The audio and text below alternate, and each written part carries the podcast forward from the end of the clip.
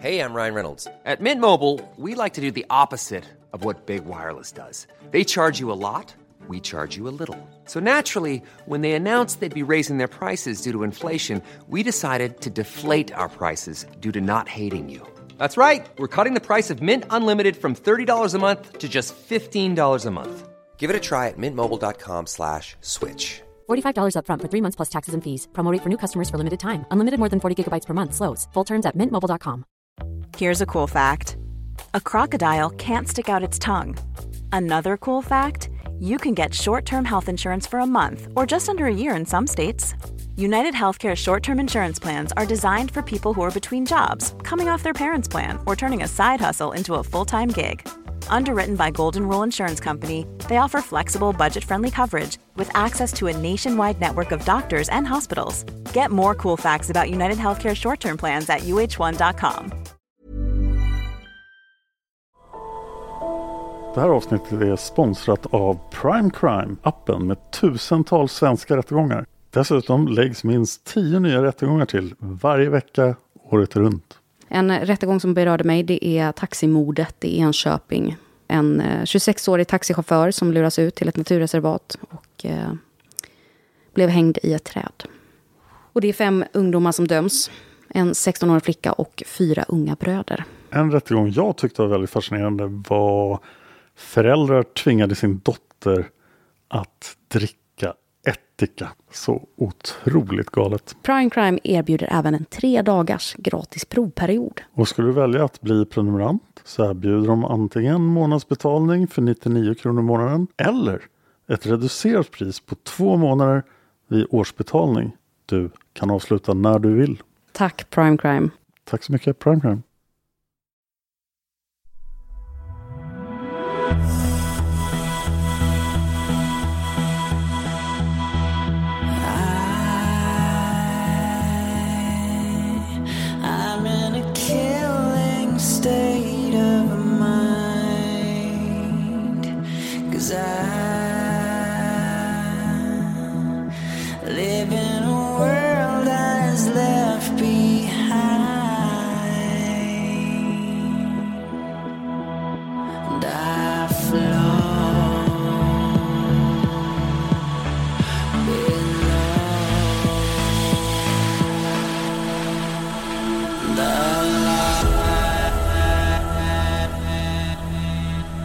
Lyssnar på Mördarpodden. En podcast av Dan Hörning och Josefin Måhlén. Intro och bakgrundsmusik görs av Erik Segerstedt.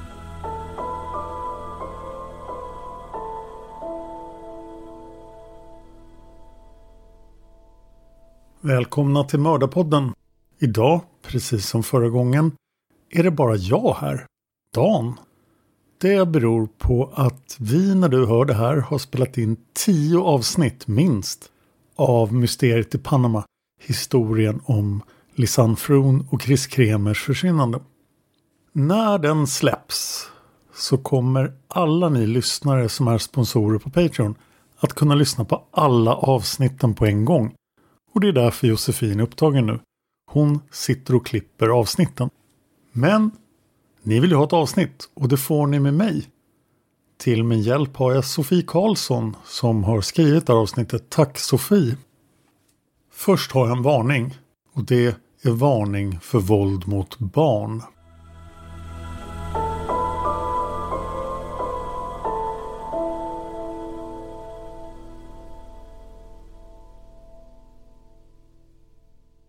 Den här historien utspelar sig i staden Decatur i den amerikanska delstaten Alabama. Decatur kallas ofta för flodens stad eftersom den ligger i norra Alabama precis för både Wheeler Lake och Tennessee River. Senaste gången man räknade efter, år 2020, bodde det 57 938 människor i den här staden. Och här börjar vår historia 1988. Det är året som Lacey Spears föds. Tyvärr vet vi inte särskilt mycket om Lacys uppväxt eller hennes familj. En sak vi vet är att Lacey älskar att leka med dockor som barn. När hon blir äldre blir hon väldigt intresserad av bebisar. Hon sitter ofta barnvakt åt vänner och bekanta till familjen. Vi vet också att Lacey fram till vuxen ålder aldrig bor någon annanstans än i Decatur. Som ung vuxen börjar hon studera till sjuksköterska men hon hoppar snart av utbildningen. Till och från arbetar hon på en förskola. Hon älskar att arbeta med barn och hon blir ofta vän med unga mammor. Vänskaperna håller under olika lång tid. Ofta tar de slut för att Lacey gör någonting konstigt. Exempelvis att mammorna får höra att Lacey har kallat deras barn för sitt eget. Eller att hon inte uppfattar gränser utan blir överdrivet inblandad i vännernas liv. Lacey verkar närmast besatt av att själv bli mamma. Det blir år 2008. Det är den 3 december, tre veckor innan julafton. Lacey är 20 år gammal och hon har förlossningsverkar. Hon ska äntligen föda sin efterlängtade son. Lacey är ensam på sjukhuset.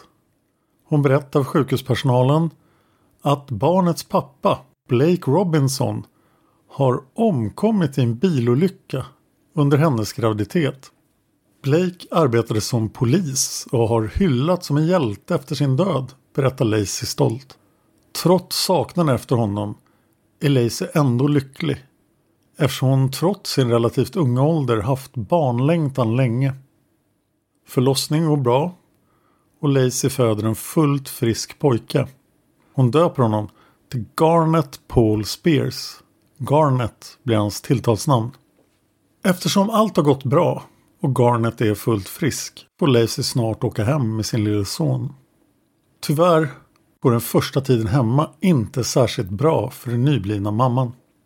Garnet vägrar äta och Lacey känner instinktivt att någonting är fel. Sonen måste vara sjuk. Efter några dagar åker hon tillbaka till sjukhuset där en lärare kan konstatera att Garnet både har förlorat alldeles mycket vikt och att han dessutom är uttorkad. Läkaren tar blodprov på Garnet som skickas på analys. Analysen visar att Garnet har höga halter av natrium i blodet. Enligt Livsmedelsverket är natrium ett nödvändigt grundämne i kroppen. Och det är inte så konstigt. Natrium finns i kroppsvätskan utanför cellerna, men även i skelettet. Natrium är viktigt för syra-basbalansen samt vattenbalansen och saltbalansen i kroppen.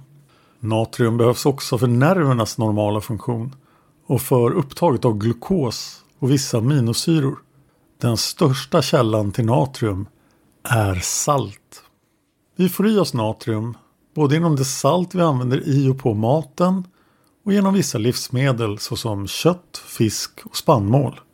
Barn mellan 0 och 6 månader bör enligt Livsmedelsverket inte få i sig kost som innehåller salt. Från 6 månader är den generella rekommendationen att enbart ge små smakprov av kost som innehåller salt. Maxintaget av salt per dag för ett barn i åldern 7 till 11 månader är bara 0,925 gram. En vuxen däremot har ett maxintag på 5,75 gram, alltså 6 gånger mer. Här vill jag dock vara tydlig med att vi på Mördarpodden varken är barnläkare eller har särskild kunskap om barns behov via kosten. Min källa är bara Livsmedelsverkets generella rekommendationer. Så du bör alltid rådfråga en läkare eller barnmorska om du är osäker på vad ditt barn behöver. Ryan Reynolds här från Mint Mobile.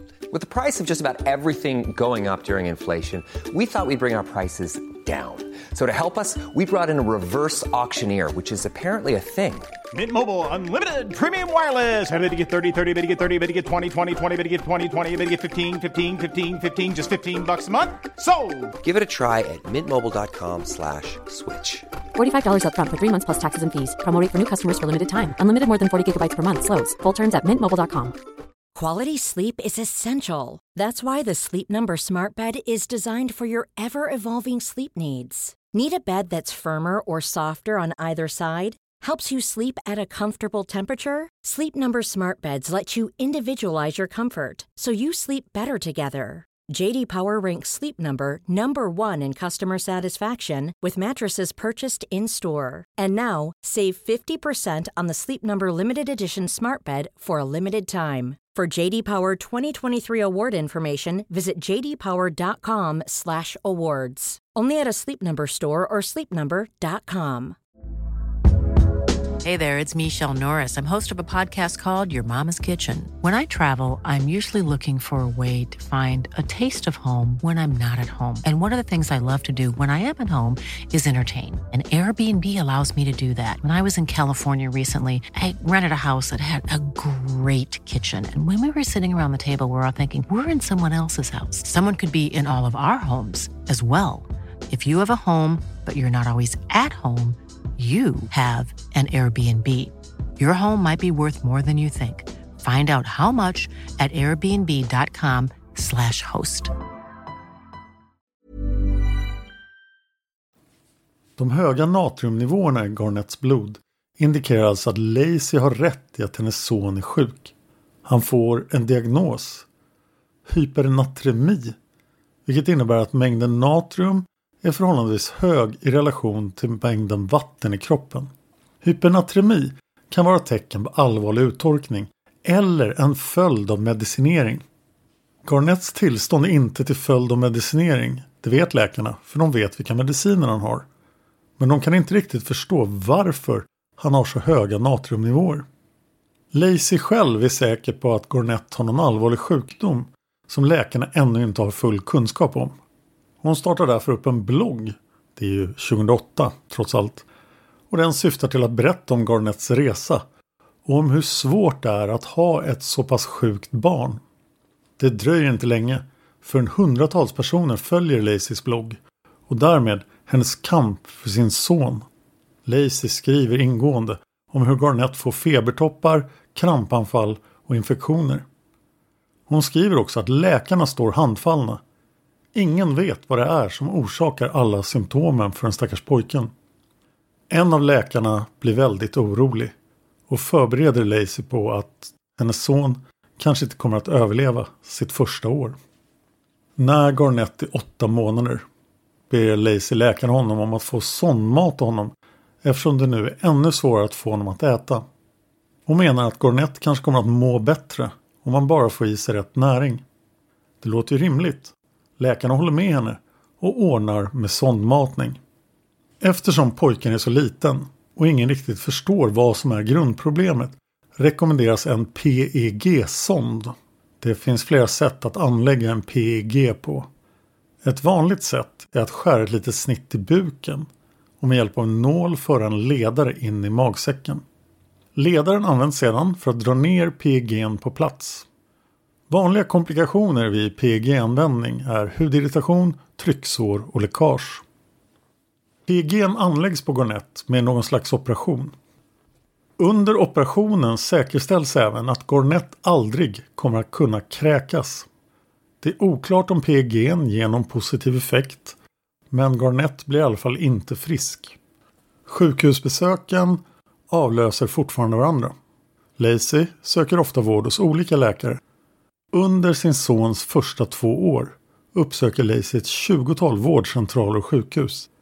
Ingen läkare kan identifiera vad det är för sjukdom pojken lider av. Det blir 2012. Garnett är fyra år gammal och Lacey är 24.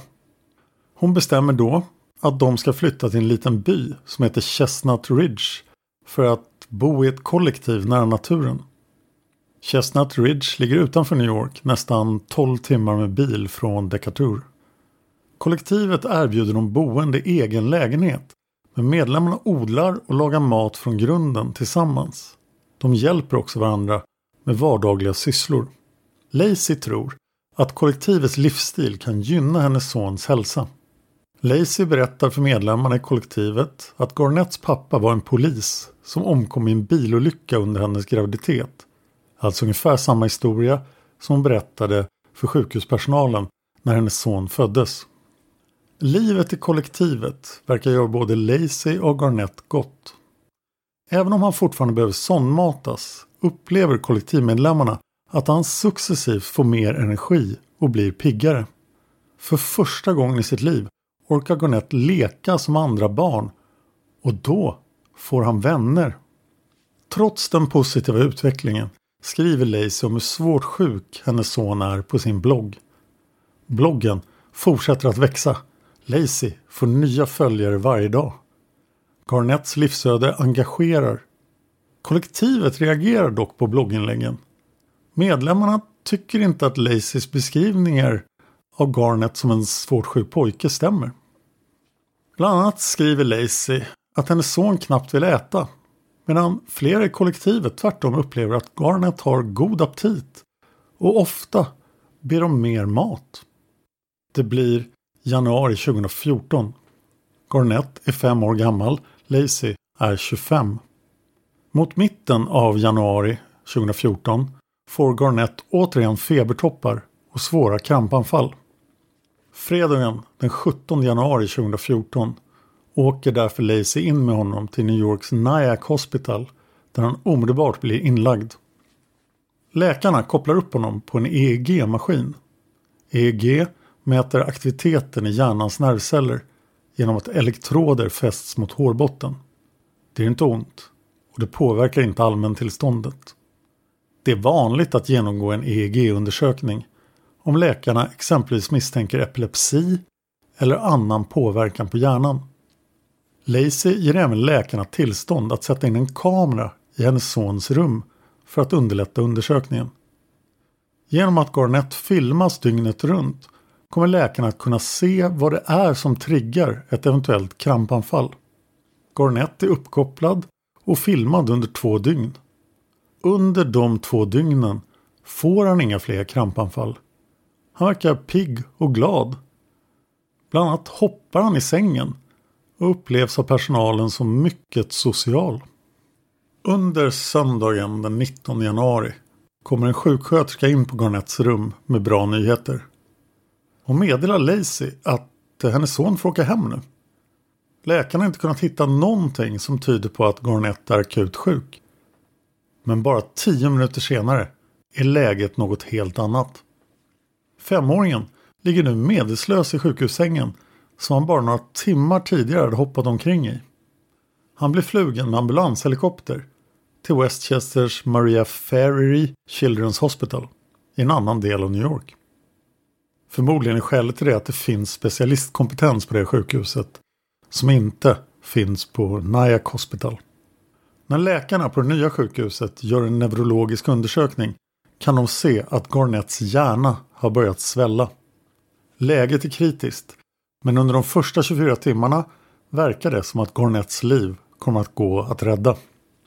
Tyvärr försvinner hoppet när läkarna efter 34 timmar kan konstatera att Garnett är hjärndöd.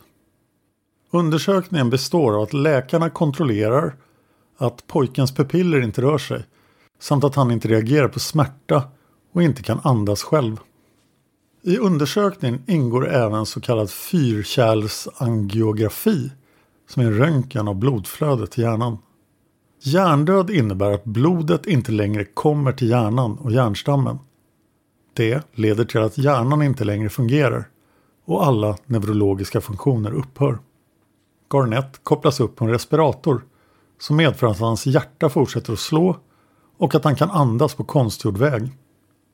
Läkarna tar flera blodprov som skickas på analys. Situationen är dock hopplös.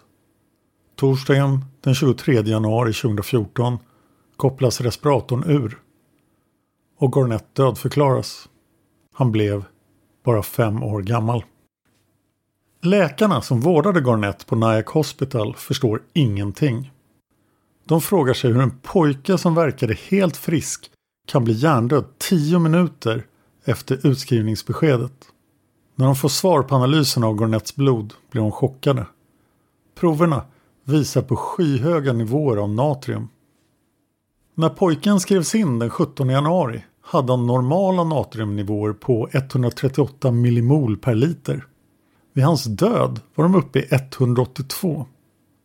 En vuxen människas natriumnivåer är normalt max 145 millimol per liter och en vuxen människa får ofta svåra symptom på nivåer över 157. Läkarna är helt överens om att det är omöjligt för Garnett att få natriumnivåer på 183 millimol per liter på något naturligt sätt. Någon måste ha tillsatt natrium i pojkens blod. Deras misstankar om att Garnett inte har dött av någon sjukdom medför att sjukhuset kontaktar polisen. Den första personen som polisen förhör är givetvis den person som har stått pojken allra närmast, hans mamma.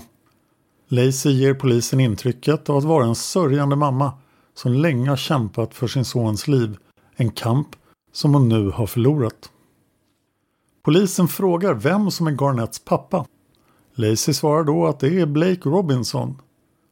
Blake har enligt Lacys utsaga till polisen nyligen avlidit. Nyligen är såklart en definitionsfråga. Men Lacey sa ju redan 2008, alltså fem år tidigare, att Blake hade dött. Det känner ju dock inte polisen i New York till. Men när Lacys pappa, Garnets morfar, kommer till sjukhuset och polisen beklagar både Garnets och Blakes bortgång får de en första indikation på att någonting inte stämmer.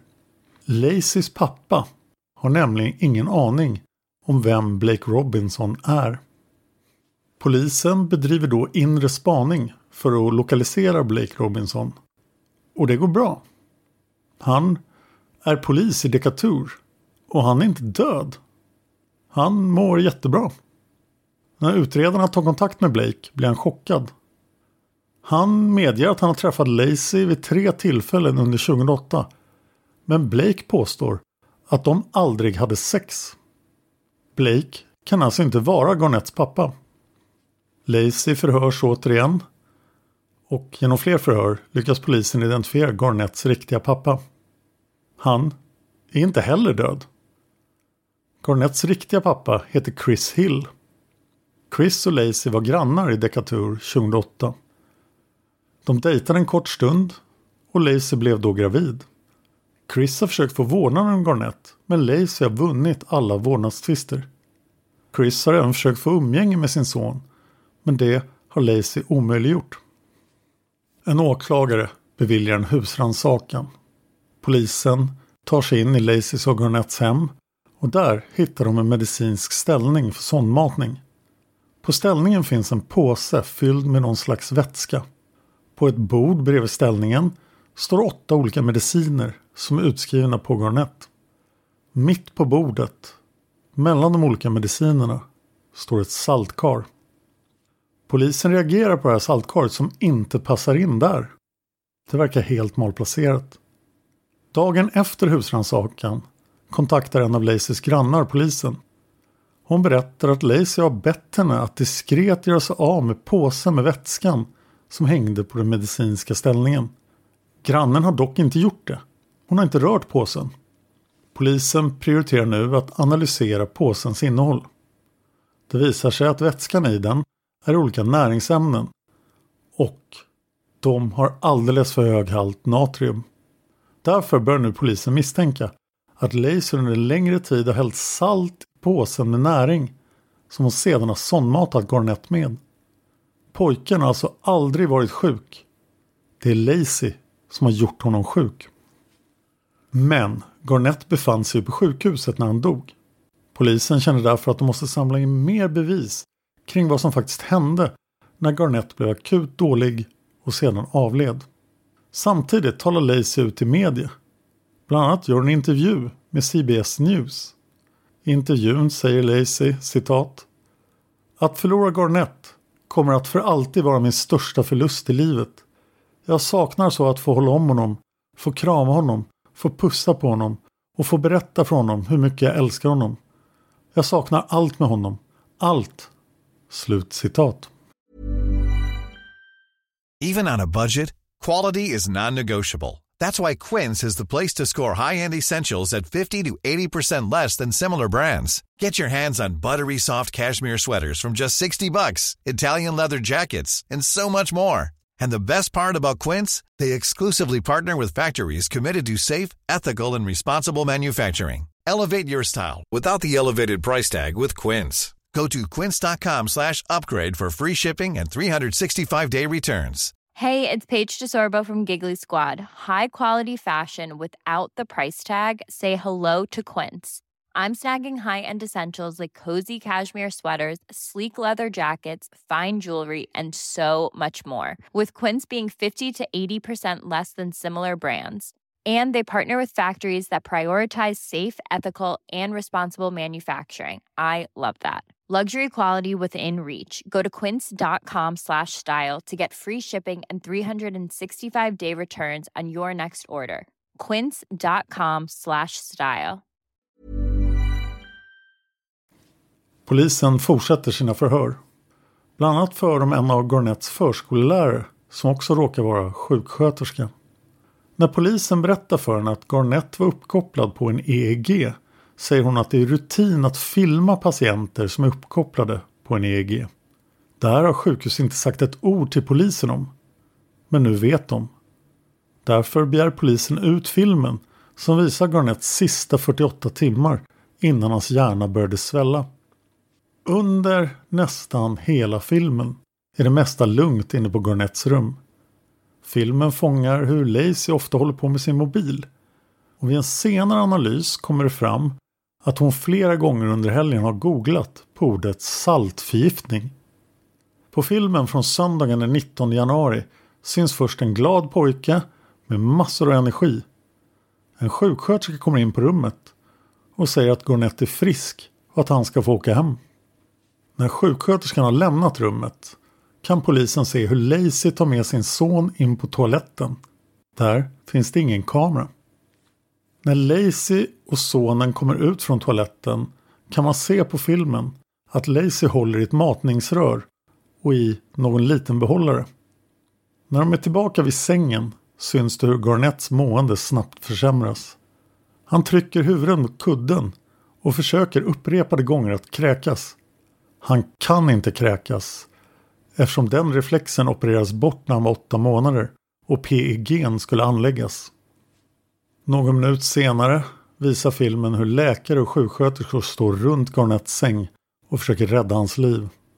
Även om kameran inte har fångat ögonblicket så är polis och åklagare nu övertygade om att de har bevis för att Lacey förgiftade sin son med en dödlig dos salt. Fem månader efter Garnets död, den 17 juni 2014, griper polisen Lacey för mord. Hon nekar till anklagelserna. Hon hävdar att det är sjukhuset som har misslyckats med att ge Garnett adekvat vård. Det blir rättegång. Under rättegången lyfter åklagarsidan bevis på att Lacey lider av Münchhausen by proxy. Och det känner ni säkert igen. Münchhausen by proxy är ett komplext psykiatriskt syndrom. Väldigt förenklat kan man säga att det handlar om att en vårdgivare orsakar skada eller sjukdom på den som är i dess vård.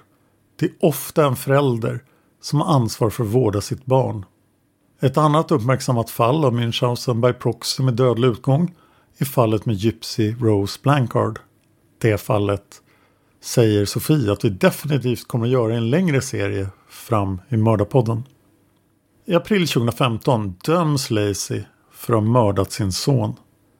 I sin dom väger domaren in Laceys psykiska tillstånd och att hon lider av Münchhausen by proxy. Domen blir 20 års fängelse. När domaren meddelar sin dom säger han citat Man behöver inte vara psykolog för att förstå att du lider av Münchhausen by proxy. Förstår du ens hur allvarligt det här brottet är som du har begått? Genom att inte ge dig livstidsfängelse ger jag dig någonting som du aldrig gav din son. Jag ger dig nåd. Slutcitat. Idag avtjänar Lacey sitt straff på Bedford Hills Correctional Facility for Women i New York. När det här avsnittet publiceras har hon förmodligen avtjänat ungefär halva sitt straff. Hon kan möjligtvis komma ut lite tidigare. Än idag nekar Lacey till brott. Hon menar att hon älskade sin son och att hon aldrig någonsin har skadat honom.